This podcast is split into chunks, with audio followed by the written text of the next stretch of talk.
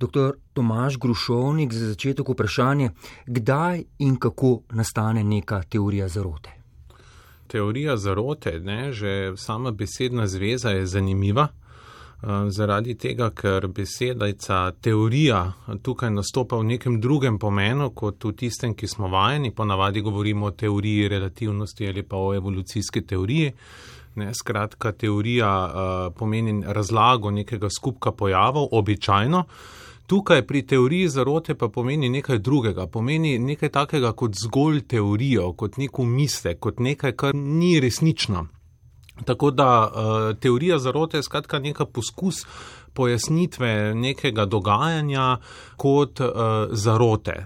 Uh, In um, to, to je prva osnova, iz katere lahko mogoče uh, začnemo. Ne? No, zdaj, kaj je pomeni zarota? Zarota je povezana z besedo rotiti, se pravi prositi, zaklinjati tudi. Ne? Skratka, vsebuje opis nekega eh, skupnega načrta, neko eh, skupine ljudi, ki se dogovorijo, da bodo sledili nekemu skrivnemu načrtu, neki njihovi tajnosti. Skratka, teorija zarote je neko prepričanje, da obstaja nek skrivni načrt v ozadju, ki so ga skovali nekateri ljudje z nekim določenim, eh, bolj ali manj njihovim sebičnim namenom. In zdaj razlogi, zakaj verjamemo v takšne različne ideje, so pestri, pravzaprav ni enega samega, ne, kot poskušam povedati eh, v uvodnih eh, poglavjih svoje knjižice.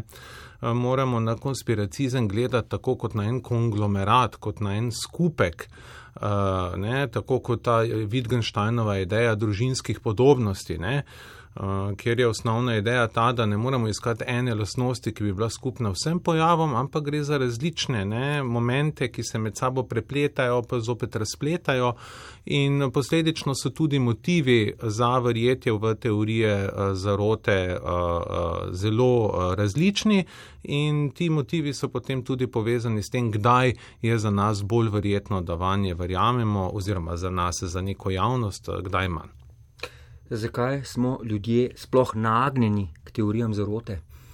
Zaradi tega, ker uh, bom rekel, da zadovoljujejo neko bivansko potrebo, ki jo imamo. Uh, zdaj, osnovna ideja uh, tukaj je tale, ne, da na človeka, kot nas poznavajoče bitje, ne smemo gledati kot na nek USB ključek, na katerega prekopiramo informacije. Ne. To je ta ne, ideja komunikacije kot prenosa, transfera informacij, vednosti, ne, ki se je zelo razširila v 20. stoletju.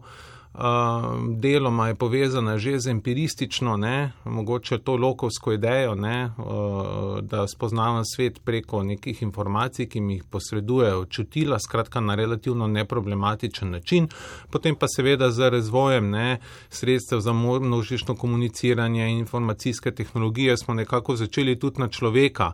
Eh, in na njegov spoznavni aparat gledati kot na nek stroj za sprejemanje eh, informacij. Vendar to ne drži. Ljudje nismo prazne posode, na katere bi padale informacije, pač pa je naše spoznavanje sveta motivirano. Ne?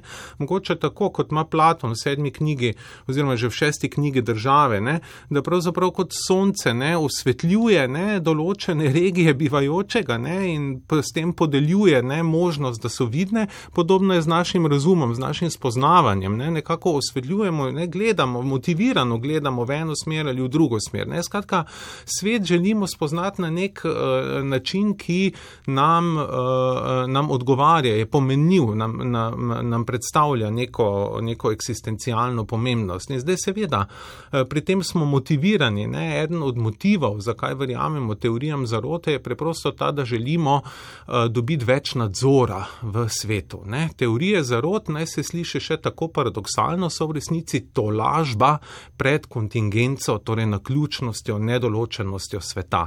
Zakaj? Zaradi tega, ker predpostavljajo, da ima nekdo svet pod nadzorom, ne? namreč ti, ki so se uh, zarotili uh, in uh, so ne, uh, pač ne varajo ne, uh, ostale. Ne? Torej, vse nekdo ima resnico, ne? vse nekdo drži stvari pod nadzorom, da to ilustriram ne, na, recimo, ne, na primeru.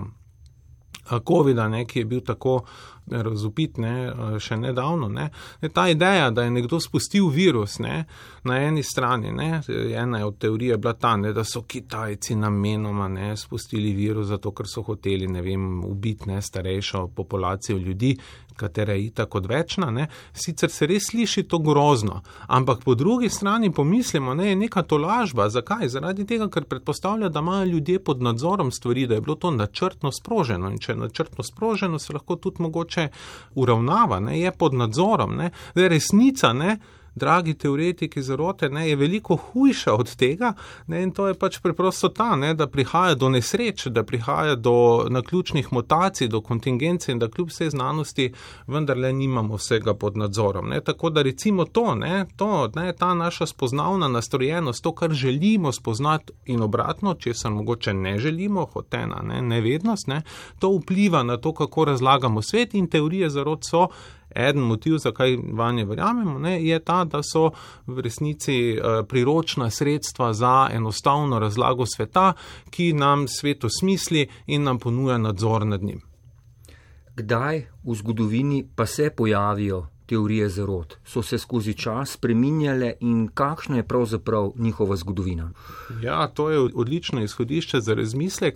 Zdaj, um, uh, za teorije zarod so stare toliko, kot je človeško mišljenje uh, v resnici. Ne. Zdaj, tudi to je treba povedati. Zdaj, zarote niso nič novega ali pa pretresljivega v človekovem življenju, tudi v političnem življenju, se pravi dejanske, realne, konkretne zarote. In posledično ni presenetljivo, da se ljudje uh, hitro oprimemo te hipoteze, da pa nekje, nekje gre za zaroto, čeprav tam mogoče zarote ni. Tako da sam pravim, da med teorijo zarote in zaroto v resnici je samo ena majhna razlika majhna pod narekovajih. Ne? To je ena je resnična, druga pa ne. In teoretik zarote naredi kaj? V resnici to možnost, ne? ker ta možnost zarote sicer vedno obstaja. To malo možnost zarote napihne v dejanskost, v, v stvarnost. Ne? Tako da um, to je recimo ne, konspiracizem, ne? torej verjete v teorijo zarot, ima neke zelo realne, realne zgodovinske družbene temelje, ker pa seveda zarote obstajajo. No, tako, ne, zdaj prva zarota, takšna prva zarota, ena izmed zgodovinsko najbolj znanih je zarota v umoru uh, Julija Cezarja, seveda, uh, potem pri nas smo imeli to protihabsburško zaroto ne, v drugi polovici 17. stoletja, ko sta ta brata Franko Pan se zarotila proti Habsburškemu dvoru in potem se to uh, za njiju uh, klavrno končalo.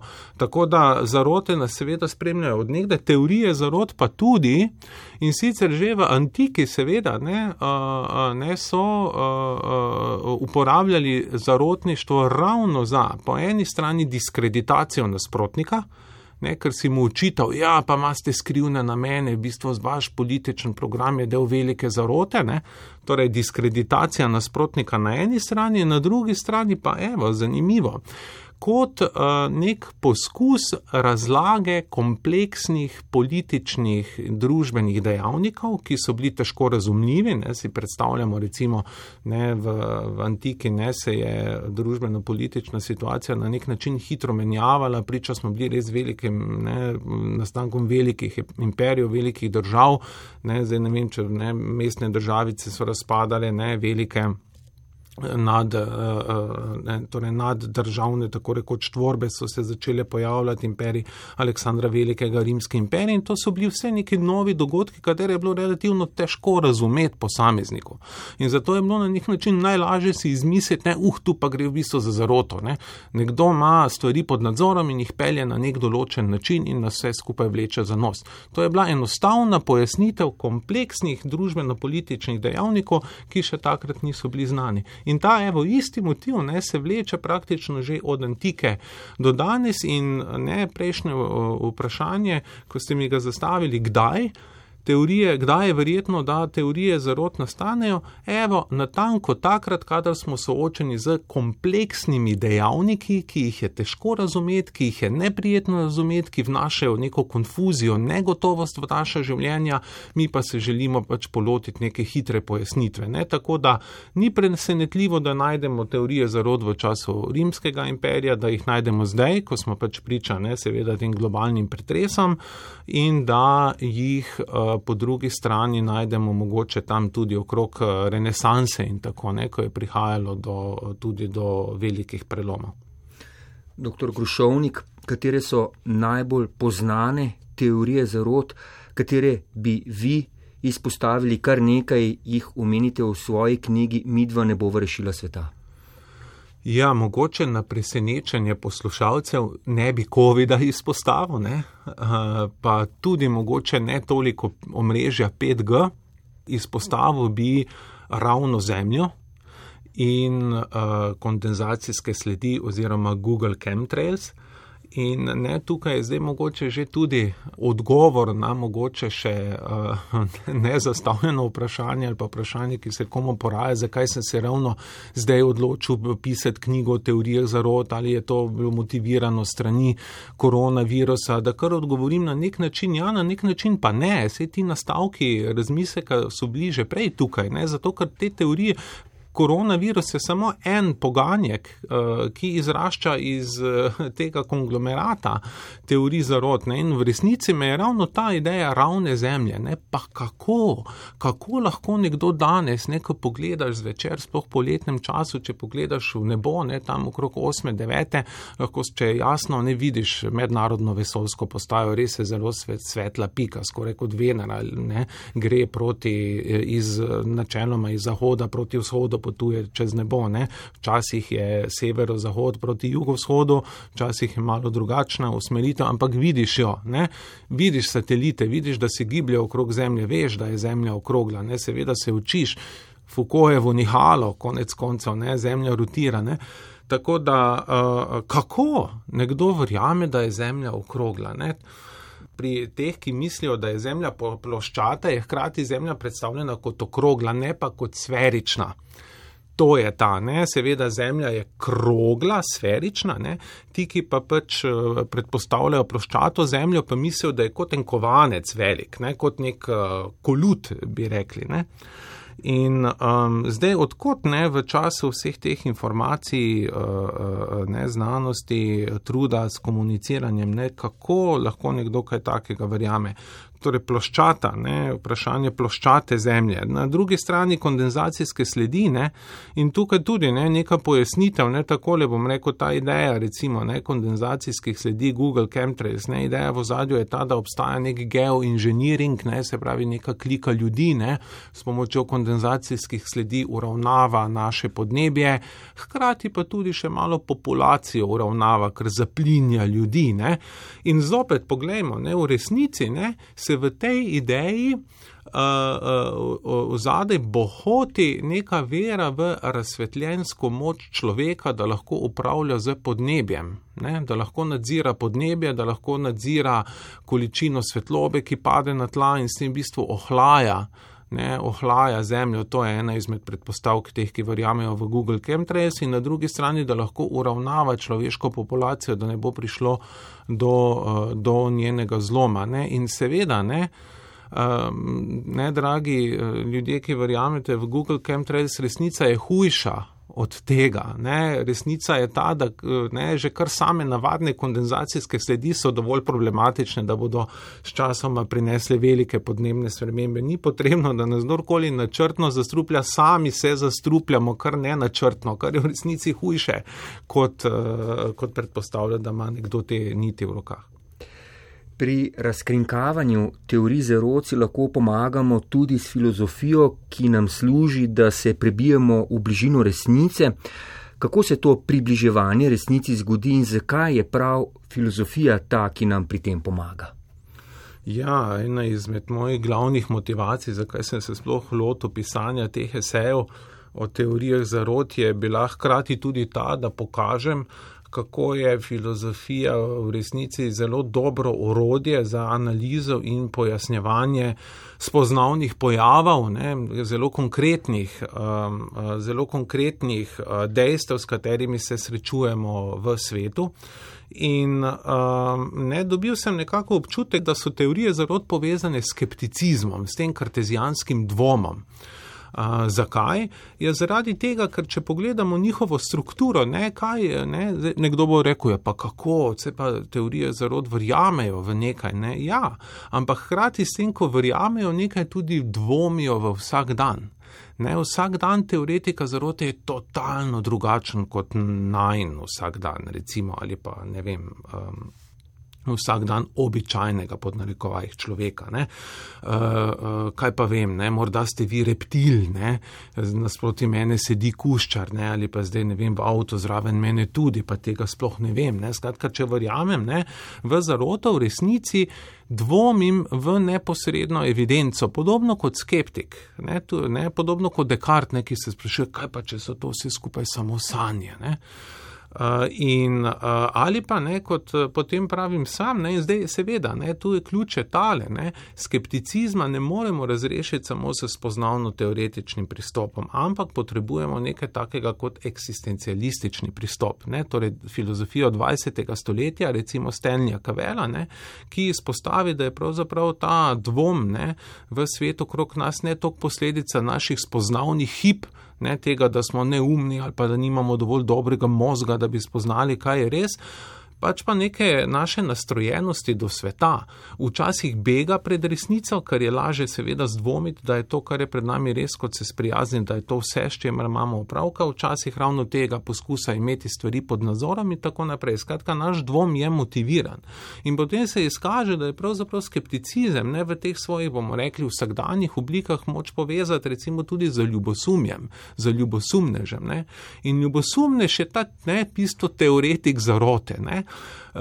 izkazi ljubezni, uh, uh, darila, objemi, ne, vse to ne, je sumljivo. Ne, skratka, dvom v to, da je to pristno. Ne, tako kot skeptikov dvom, da je pred mano res miza oziroma mikrofon. Ne, skratka, nekaj je tukaj v zadju, nekaj ne štima. In na drugi strani hkrati pa trdna vera, da je oseba vrljivec, da me oseba vara. Ne.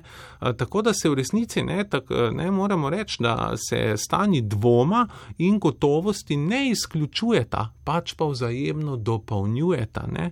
In to je eh, lepo razvidno pri teorijah zarotne, ki dvomijo, da so recimo kondenzacijske sledi zgolj vodna para, ne? je še nekaj drugega, da je sonce vzhaja in zahaja. Ne? Na naši sferični zemlji ni res, ne? zemlja je ploščata in samo kroži kot in in in jank nad. Eh, nad nami. Ne? In v resnici ne gre za preplet obojega, dvoma in, uh, in gotovosti. Zanimiva je tudi teza Maxa Webra o odčaranem svetu. Kaj pravzaprav nakazuje ta odčarani svet in zakaj je ta sintagma pomembna znotraj razlage teorij zarot? Ja, tu se pa uh, začneva dotikati enega izmed drugih možnih vzrokov, zakaj bi nekdo verjel teorijam zarot. Ta je pa preprosto to, ne, da verjete v teorijo zarote vnese v resnici nek suspens v moje vsakdanje dolgočasno življenje. Ne. Naša življenja so zelo zbirokratizirana, rutinska meglena, siva, povprečna. Ne? In zdaj, če pa verjamem, ne, da obstaja neka huda zarota, ne, da se nekaj, nekaj plete, pa to vnese tako, bom rekel, ne, kot ena kriminalka, nek pridih, ne, napetosti, čudežnosti v vsak dan. In tukaj sem se res malo poskušal navezati na Webra, zato ker njegova teza je ta Encauberung uh, der Welt, ne, se pravi odčaranje sveta. Webrova teza je, da pač za usponom naravoslovnih znanosti v 19. in 20. No, 19. stoletju, predvsem na začetku 20. Pravzaprav ljudje zgubimo uh, občutek začaranosti, skrivnosti v svetu. Uh, paradoksno pa ne zato, ker bi vse razumeli, vse po poprečen posameznik sploh ne razume, se ne veš, kako deluje telefon, ne veš, kako točno zdaj deluje vlak, ne, električna lokomotiva, ne veš, veš pa, da je vse to moč pojasniti z znanostjo, s fiziko in s tehnologijo. Torej, če bi hotel, bi lahko vedel. Ne, skrivno, v tem smislu ni skrivnosti. Če bi želel, bi lahko vse vedel, torej zakaj bi sploh karkoli ne, na ta način vedel, vse, vse skupaj je v bistvu tako dolgočasno, ne, nezanimivo. In uh, gre za neko zgubo tega momenta, ne, tega naboja. Ne, recimo, ne, dejansko, če beremo Iliado, ne, v Iliadi je res zanimivo. Ne, tam vstopajo, ne, obsedejo ne, različni bogovi, posameznike. Ne, ne vem, ali v Ahila ali v Hektorja, mislim, da vstopi Ares ne, in dobi ta, ta izraz ne, tega krvoločnega bojevnika. Ne, ne, za Grka je bilo nekako, si, si, si je lahko tolmačil ne, te navdihe, ne, kot da stopajo božanstva v posameznike. Ne, torej, bogovi, njihova življenja so prežeti z, z svetom. Ne, tudi v krščanstvu, konec koncev, je skrivnost temeljna. Ne skrivnost Jezusovega vstajenja, ne skrivnost, eh, kaj je eh, trans, transubstanciacije, kako se kruh in vino spremenita. Ne v Kristusovo kri in telo. Ne? To je jedro ne? odnosa do sveta, je ta skrivnostnost, ne? ta, ta napetost. Tega vsega potem več ni. Zdaj, teorije zarod, ena izmed te sveta, ne so tako, ne mala popestritev, mala vrnitev ne? te skrivnosti, te napetosti, tega suspenza v, v moj vsakdanji svet. Podobno ne? kot je neuspon popularnosti vse te znanstvene fantastike, vseh teh kriminalk, ne vem, nekih vojn, prestolov, kaj so te, tega ne spremljam toliko, ne vseh teh serij na nizank. Ne. In se mi zdi, da gre potem tukaj ne ta ideja, teorija zrote z roko v roki za to motivacijo, ne, da ko v nedeljo vržem čevapče, če nažarim in odprem pivo, ne, še malo pomislim, uh, ne, kaj pa če ne, mi je zdaj v meni nek čip. Ne. Ali pa da mi vsaj nekdo želi ne, me stavstati ne, za temi oddajniki 5G in to vnese v moj svet tako malo napetost. Dr. Grušovnik, pri teorijah zarod so mnogokrat v spredju manipulacije. Kakšna pa je pravzaprav njihova vloga pri teorijah zarod? Ja, zdaj pa pridemo do enega zanimivega preobrata. In uh, imam v knjigi, ne, uh, ko sem enkrat, enkrat sem sprehajal svoje pse in potem slučajno prislišim pogovor, ki je šel v to smer. Ne, Vse vsi ti proticepilci dejansko sami so cepljeni. Ne? v resnici uporabljajo to ne, proti cepilstvu samo za svoje ne, koristoljubne namene. Ne. In potem sem bil, wow, wow, to pa je ne, zdaj na kvadrat konspiracizem. Ne. Zdaj ne samo, da imamo teorijo zarota cepljenja, imamo teorijo zarot o proticepilcih, o teoretikih zarot, ne, kar je na nek način logično nadaljevanje konspiracizma. Ne. Seveda, tudi same teorije zarot so v resnici velika zarota. No, izkaže pa se, ne, to je pa mogoče paradoksno, ne, da pa ta ideja ne, niti ni tako iztrte zvita. Zdaj, zakaj? Ja, zaradi tega, ker um, če predpostavimo, ne, da teorijam zarod verjamem zaradi nekega svojega um, spoznavnega ustroja, zaradi neke svoje bivanske potrebe, zato ker želim gotovost v svetu, zato ker želim mogoče nek suspenz v svetu, tudi zato, Ne, še en motiv, zakaj verjamem v teorije zarote, je lahko ta klic po avtonomiji, ker želim sam povedati svojo zgodbo. Ne, ljudje se veliko krat počutimo odtojeni, počutimo se odtojeni od oblasti, počutimo se odtojeni od vse te birokracije, ne, veliko krat ni, sami ne sodelujemo pri upravljanju družbe ne, in zato smo nekako ne, eh, se želimo zoprstaviti, ne se želimo ne samo zoprstaviti, ne gre samo za to, da bi se zoprstavljali, da bi protestirali. Sploh ne gre za to, gre za to, da iščemo sami sebe, da se želimo potrditi kot delujoče, razmišljajoče, avtonomno bitje. In en način, kako to storimo, je, da vzamemo svet v svoje roke in povemo sami svojo zgodbo o tem svetu. Ne? Zato pravim, da je. Um, V resnici ne, ta, da so teorije zelo pogosto krik po avtonomiji, uh, subjekta, ne, ki, želi, ki se želi vzpostaviti kot samostojen razmišljajoč subjekt. No, da se vrnemo zdaj na vprašanje, ne, kako je pa možno s tem manipulirati, je ravno zato, ker je tak ustroj ranljiv. Ne, je dovzeten za eh, sprejemanje lažnih novic. Ne. Nekdo, ki je prestrašen, ki je negotov, se bo relativno hitro prijel nekega sporočila, ki bo jasno razumljivo in ki bo vnašalo eh, nek red v njegov svet, po, možnost pa po možnosti pa še nekoga drugega okrivilo za to, kar se dogaja. Ne. Tu je še pa ta resentiment ničajanski zraven, ne, neka zamera ne, proti oblastnikom in zdaj pokaže s prstom na določene oblastnike, rečeš, da so oni del satanistične kabale ali pa neke velike, ne, judovske, ne vem kakšne zarote ne, in na ta način že vidiva, ne, kako se izrisujejo te, te obrisi, kako je možno manipulirati ne, z, z teorijami zarot in to seveda ni, ni nobena novost, to se je dogajalo v drugi svetovni vojni. Ne. Um, no, pač za, ne, za te nacistične Nemčije in uh, dogaja se seveda, ne, nedavno se je dogajalo, ne, vse smo to lahko spremljali, ne, koliko je bilo teh obtož po takih in drugačnih globokih državah in tako naprej. Ne, skratka, je to, ne, kot so poročali tudi ne, eh, ti britanski, eh, ne, pa ta policijska pisarna, ne, so teorije zarod veliko krat orodje, ki ga zlorablja še posebej ekstremna desnica. Vsi ekstremisti, ampak v tistem poročilu je bila najbolj izpostavljena desnica, ne, kot nekaj, kar eh, s pomočjo česa lahko novačiš ljudi v svoje vrste, ker ponujaš enostavno razlago sveta in ker s prstom pokažeš na zlikovca, ne, ki tebi onemogoča boljše življenje. So se teorije zarod s pojavom družabnih omrežij začele širiti hitreje? So zaradi teh omrežij in razširjenosti interneta danes bolj prisotne? To je dobro vprašanje, povezano z tem, ne, kako je zdaj s temi tudi lažnimi novicami. Ne? Veliko krat slišimo, da ja, mediji so pa danes res um, skorumpirani.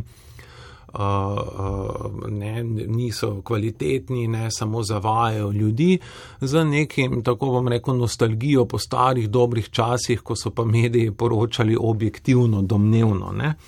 Zdaj, uh, seveda ni tako. Um, propaganda je obstajala že od nekdaj, ne. Zdaj, tako ko se je pojavil tisk, so začeli izhajati različni pamfleti. Ali pa letaki, ki so ljudi prepričevali v eno ali v drugo politično opcijo, recimo 19. stoletje, stoletje časnikarstva. Ne? Uh, je, je bilo v resnici, ne, časniki so izhajali veliko krat kot one man band, ne, en človek je, je bil kar celo uredništvo in je bil sponzoriran strani kakšne politične opcije in v resnici je šlo za trobila. Ne.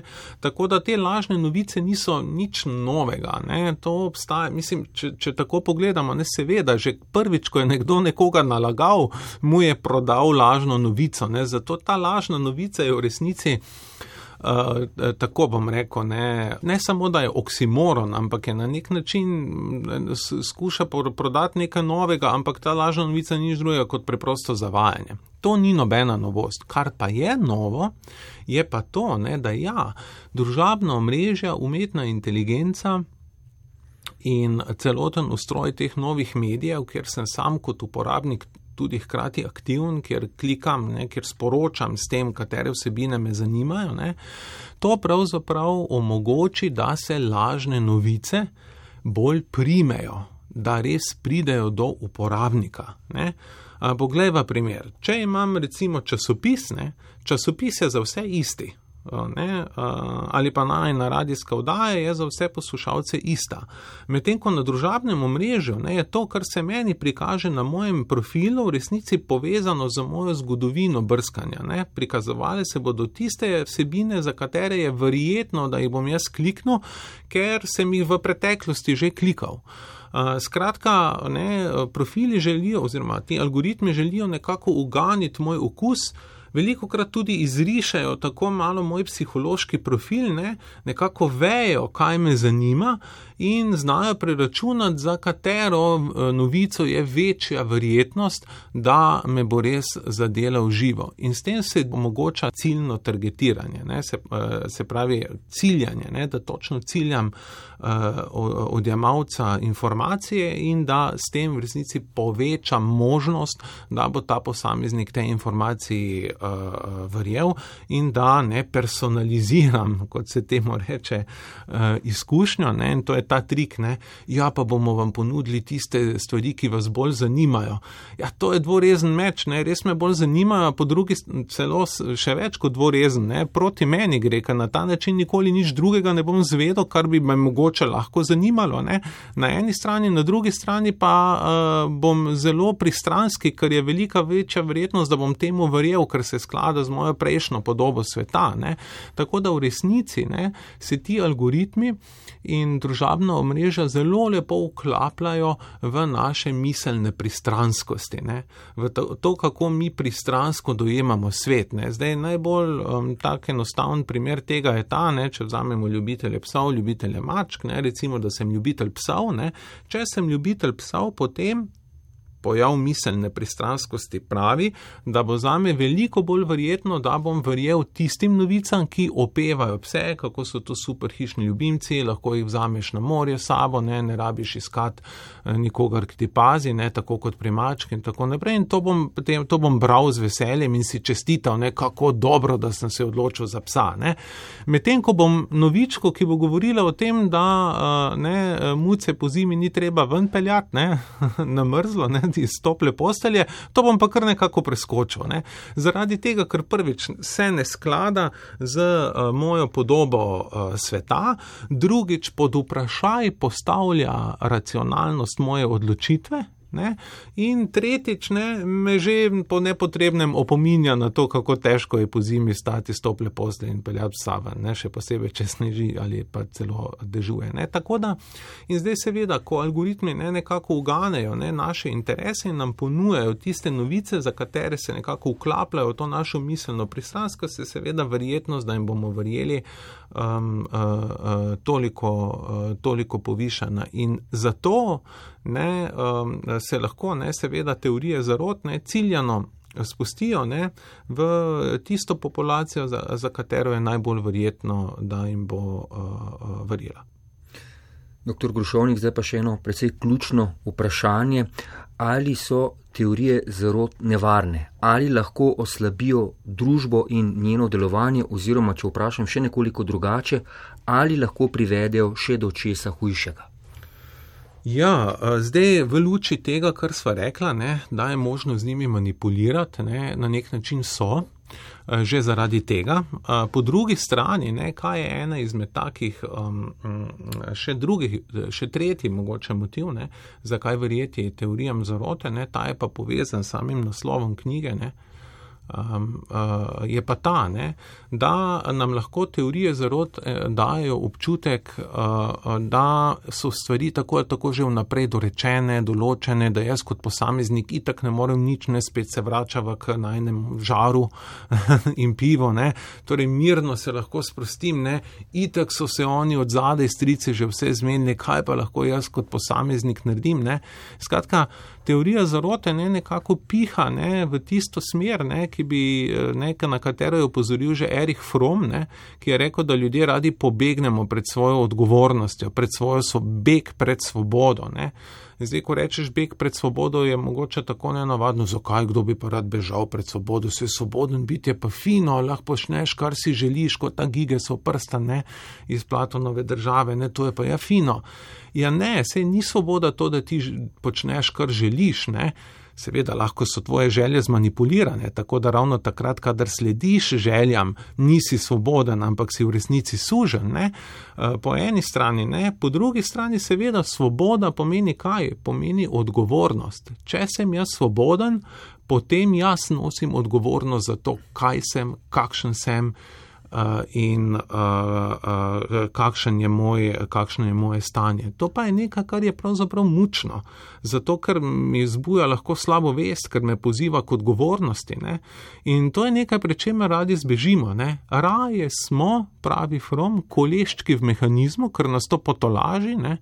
Ker uh, nam nekako vlije, ne, to, ah, sej nisem za nič kriv, ne, se kaj pa ne jaz kot posameznik, kot pa da bi se izpostavljali, kot da bi pač um, uh, sprejeli odgovornost. In to je v resnici, ne, kot pravi From, začetek totalitarizma.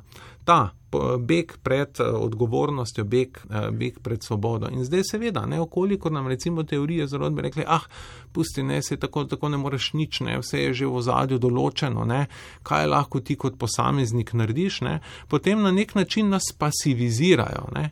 In to je recimo ta paradoks, da po eni strani ne, se oklenem teoriji zarod zato, ker bi rad bil aktiven, ker bi rad bil kritično misleč, ker bi rad pomagal družbi, ne, ker bi rad ljudi opozoril, ne, da prihaja do krivic, do manipulacij. Po drugi strani se pa izkaže, da me, da me ravno ta vera na nek način pasivizira, ker mi daje hkrati misliti, ah, se je vse skupaj že tako naprej uh, odlo, uh, odločeno, ne se sam pravzaprav ne morem kaj veliko narediti. Zdaj, mogoče bi še na to opozoril, ne, sam nikakor ne pravim, da je teoretik zarote, ne, nekdo konspiracist, neumen, neizobražen človek, ne, ne vem, nekdo, ki ga je treba razsvetliti ali kakorkoli. Ne. Um, uh, nasprotno, ne, veliko krat se izkaže, da nekdo, ki verjame v zarote, ne, je pravzaprav bolj bolj kritično razmišljajoč, ne, celo včasih čuti večjo odgovornost, želi ljudi opozoriti na neko krivico, ki se dogaja in tako naprej. Ne. Zdaj, um, Ne, in potem se včasih se pa pokažejo ne, te korelacije, ker se pokaže, da recimo ne, večja verjetnost, da bodo verjeli teorijam zarod obstaja pri ljudeh z nižjo izobrazbo na periferiji, ne, v, v nekih demografsko ogroženih območjih. Ne. In tukaj je zdaj najbolj nevarno sklepati, da je to zato, ker so ti ljudje neumni. Ne, ne gre za to. Gre za to, da seveda nižja izobrazba kaj korelira. Eh, ne z manj inteligence, ampak z nižjo pozicijo v družbi. Ne, če imaš nižjo izobrazbo, seveda ne boš zasedal ključnih mest v družbi. Če pa ne boš zasedal ključnih mest v družbi, se boš počutil bolj izoliranega. In če se boš počutil bolj izoliranega, boš v sebi čutil večjo potrebo po avtonomiji. In če boš v sebi čutil večjo potrebo po avtonomiji, se boš lažje oprijel teorije zarote, zato ker ti bo dala občutek, da ima se svoj narativ, svojo zgodbo pod nadzorom. Eh, in eh, zaradi tega ne, izključenost gre skupaj z eh, verjetjem v teorije zarod, ne pa, ne, in ta izključenost pa ni povezana z inteligenco ali z neinteligenco ali z neumnostjo. Ne. Tako da vsi na nek način smo dovzetni za to, da verjamemo teorijam zarod. Ne. Zaradi tega, ker je naša spoznavna narava takšna, da je vednost nekaj, kar nosi sabo bivansko dimenzijo. Eh, za nas smo ljudje, eh, nimamo radi kontingence, radi imamo stvari pod nadzorom, radi se počutimo eh, prijetno domače v svetu in posledično prihajamo na dan s takšnimi in drugačnimi zgodbami, ki nam ta svet poskušajo razložiti, ki nekako se vklapljajo v ta naš spoznavni značaj. Pod vprašanje tu lahko neka lažna novica ogrozi delovanje družbe. Ja, gotovo lahko. Ne. Zdaj, Vse to smo videli ne, na teh primerih ne, cepljenja in tako naprej, ne, ali pa tudi na, na kakšnih drugih primerih se to vidi, ne, da lahko ta velika skepsa pravzaprav potem vnese tudi nek, nek razdor, nek konflikt, naredi celotno situacijo ne, bolj, bolj nestabilno. Tako da seveda te teorije zarotne lahko imajo potem zelo realne učinke. Ne, Tudi, ne, zdaj ne vem, koliko, ne, to je bi bilo potem treba seveda kritično raziskati in tako, ne, ampak različne trgovinske vojne ne, in potem te proti kampanje in tako naprej so tudi lahko povezane s tem, ne, da širiš skepso recimo v neko tehnologijo zaradi tega, ker sam ponujaš alternativno tehnologijo, ne, ali pa prodajaš neke izdelke, ne, ki mogoče nudijo rešitev za nek problem, ki ga še ni, pa ga boš z zgodbo šele ustvaril. Ne. Je pa res, da je te stvari raziskovati kar uh, težko, zato potrebujemo kritično novinarstvo, recimo ne, nekoga, ki je specializiran za odkrivanje takšnih stvari. Ne. Zdaj, recimo, ena težava, na katero sem sam naletel pri proučevanju teorij zarot, je ta, da je imajo naravo govorice, ne? to je zanimivo pri teorijah zarote. Skratka, vsak od nas je slišal že za kakšno teorijo zarote, ne krožijo naokrog, ampak ko pa želiš priti do jedra informacije, da je nekje zapisano, ne? je pa to kar težko. Uh, moraš se kar potruditi, da prideš recimo do spletnih strani, ne? ki so izvor širjenja teorij zarot. Ne.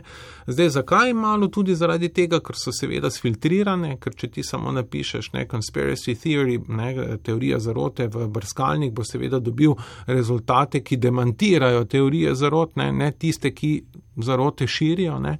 Na drugi strani, če boš napisal recimo ravna zemlja ne, v brskalnik, ne boš dobil strani, ki razlagajo, da je zemlja ravna, ne, ampak boš dobil strani, ki razkrinkavajo to teorijo kot zaroto. Tako da je relativno težko ne, pravzaprav priti do, do teh strani in zato je treba vložiti nekaj energije, truda ne, in kritično te stvari raziskati, ne, preden lahko ne, z, z prstom na, na kaj pokažeš. Je pa kot rečeno to zelo, ne, tako zelo zmuzljiva reč. Ne, tudi um, konspiracisti se večkrat zaščitijo ne, na ta način, da takoj zrelativizirajo svoje trditve. Ne, Uh, in je potem uh, kar, kar, ne, uh, kar težko jih uh, dokazen standard visok imeti, je relativno težko, novice pa kar hitro zakroži. Ne. Propaganda, lažna novica in teorije zarot gre za en skupen konglomerat, ki deluje sočasno. Uh, lahko gre, ne, uh, ni nujno to zmerom, ne, ker eh, obstajajo tudi preprosto teorije zarot takole, ne, um, sam jih primerjam z ljudskim slovstvom, s pripovedništvom, ne. Zakaj? Zaradi tega, ker imajo kar nekaj skupnih lasnosti, ne, od tega, da imajo nek določen slog, ki ga je moč, eh, mu moč slediti ne, in mimo grede, recimo z algoritmi, ne, lahko pretresaš različne objave čist strojno na spletu in uh, ti pokažejo, kje gre za večjo verjetnost, da gre za teorijo zarote, kje za manjšo. Ne. Zakaj? Zaradi tega, ker so že določene besede, ki jih uporabljajo recimo konspiracisti. Ne. Tako da slog, recimo druga stvar je ta.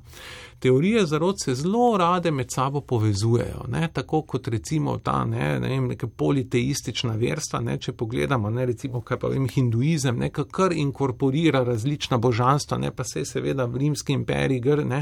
grki, egipčani, to ni bilo nobenih težav inkorporirati Ateno, pa potem ne, z druge strani Marsa, pa to so se takoj našle usporednice in podobno je v resnici pri teorijah zarot. Kar eno v drugo grejo, ne? pa COVID se poveže že takoj z z 5G omrežjem, pa potem še recimo z Google Chemtrails, ne pa z nekimi novimi tehnologijami, ki naj bi bile skrite pod zemljo in tako naprej. Še tole, ne, zdaj uh, lahko torej gre za propagando, ni nujno, lahko gre pa čisto za neko lokalno zgodbo. Ne. Uh, včasih imajo teorije zelo čisto lokalen značaj. Ne. Recimo ne, v neki vasi obstaja teorija zarote o tem, kako so umorili uh, uh, graščaka ne, med vojno ali kaj takega. Ne. Tu ne gre za nobeno propagando, gre preprosto ne za te neke druge, ne, mogoče zgodbice, srhljiv motiv. Tako, Imamo celo teorije zarod, ki so vezane na določeno družino, ne, ker neka družina je ne, nepojasnen vzrok smrti nekega družinskega člana, se ne ve. Ne. Tako da imamo na zelo različnih nivojih, ne, najdemo te teorije zarod. Zdaj, tiste zelo razširjene so lahko propaganda, tu je pa potrebno to dodati. Ne? Zdaj, veliko krat mislimo tako, da ja, zlobni ljudje nas manipulirajo ne? in, to, in to je sicer eh, lahko res, ne? je pa res tudi to, ne? da um, na nek način smo sami predpripravljeni za to, da takim novicam verjamemo. To je ta težava. Ne? Skratka, uh, in to je velik problem, ne? dezinformacij, propagande, ne? tudi politične propagande, uh, trgovinske propagande, ne? marketinga in tako naprej. Ne? Zakaj to tako dobro deluje? Ne? ne zato, ker bi bili ti ljudje tako zlobni, ne? Pre, ampak zato, ker smo mi tako zelo dovzetni za to, da se oprimemo novic, ki nas potolažijo, ki nam obljubljajo nekaj, ki v nas zbujajo upanje in tako naprej. Ne? Skratka, to je težava propagande, zato sem pravim. Ne? takole, ne, če sem lahko, če se še malo navežem pač na problem vzgoje in izobraževanja. Ne. Mi imamo to idejo, ne, da bomo uh, lahko teorije zarod preprosto uh, razbili samo z komuniciranjem objektivnih znanstvenih novic. To je zelo pomembno. Zelo pomembno je, da imamo spletne strani, kjer lahko pridemo do objektivnih novic in tako naprej. Absolutno ključno je to vendar je pa to samo polovica zgodbe. Ne? Zakaj je? Zaradi tega, ker vidimo, da vse to imamo, pa se še vedno soočamo z tako velikim številom konspiracistov. Zakaj? Ravno zaradi tega, kot smo začela pogovor, ne? ker ljudje nismo prazne posode, ne da bi samo sprejeli informacije. Deljenje brošur je premalo. Zaradi tega, ker konspiracij že vnaprej diskreditira brošuro kot del zarote. Znanstvenika že naprej diskreditira kot plačanca, kot nekoga, ki je najet strani korporacije situacije, da ga zavaja in tako naprej. Ne. Torej, treba je v resnici vzgojiti spoznavni značaj. Manj moramo, vzgojo moramo malo odlepiti od te ideje informacij in jo bolj usmeriti v to, kar sam imenujem vzgoja spoznavnega značaja. Skratka, pripraviti ljudi na to, da bomo se znali, da bomo znali sami sebe reflektirati, videti, kje prežijo v nas samih pasti, kaj laže verjamemo, kaj ne, da bomo pogumni, zdi se mi, da je pogum, ne, ta spoznavni pogum, ena izmed odločilnih vrlin, spoznavnih vrlin, ki jih potrebujemo za to, da se soočamo s svetom in da uh, pravzaprav na tak način se moramo boriti proti konspiracizmu, ne samo z deljenjem brošur, ker še tole, ne, pravim tako, ne, podobno kot hi, od hipohonder ne more najti odgovora pri zdravniku, ga teoretik zarote ne more znajti pri znanstveniku. Zakaj? Zaradi tega, ker že vnaprej dvomi van, ne, hipohonder že vnaprej dvomi ne, v te izvide, ki jih dobiva, ne, pa vedno pomisli, kaj pa če so zamenjali aprovete, kaj pa če mi noče povedati zdravnik resnice, kaj pa če je kje druge prišlo do pomote in podobno, ne, teoretik zarote v resnici ta skeptični dvom ga žene žene, ne, ki vnaprej diskreditira tisto mesto, ki mu skuša dati neko zagotovilo. Ne. Zato očitno ne, hipohonder nima rešitve svoje bolezni v zdravniku in podobno je, uh, seveda, teoretik zarote nima v znanstveniku. Pa še enkrat, ne da bi diskreditirali znanost, seveda je izjemno pomembno, da imamo objektivne novice, to je ključno, ampak samo to, kot rečeno, je premalo. Podobno kot je samo izvid, negativni izvid za hipohondra premalo ta rabi še kaj drugega, podobno rabi še kaj drugega teoretik zarote.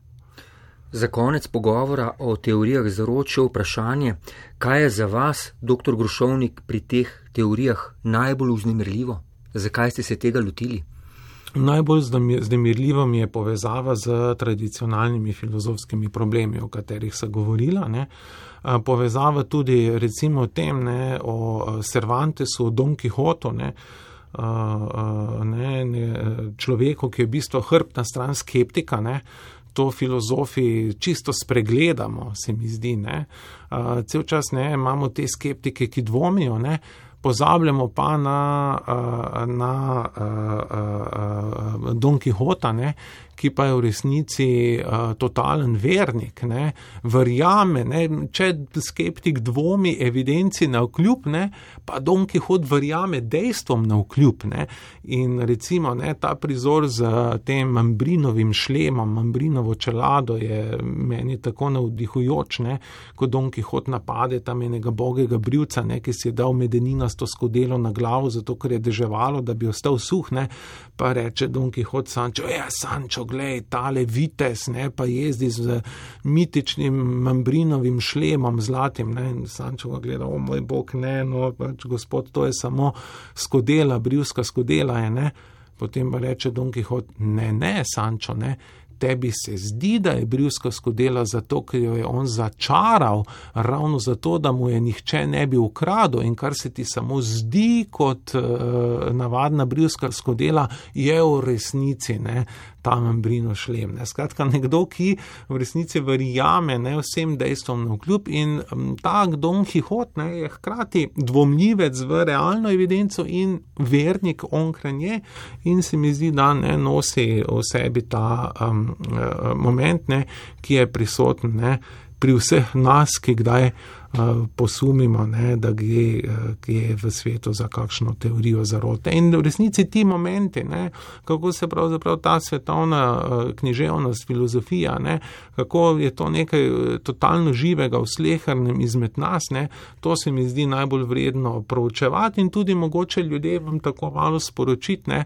Da uh, se splača kdaj pa kdaj vzeti kakšne velika dela svetovne književnosti ali pa filozofije v roke, preprosto zato, ker nam lahko pomagajo razumeti naš svet in s čemer se soočamo v njem.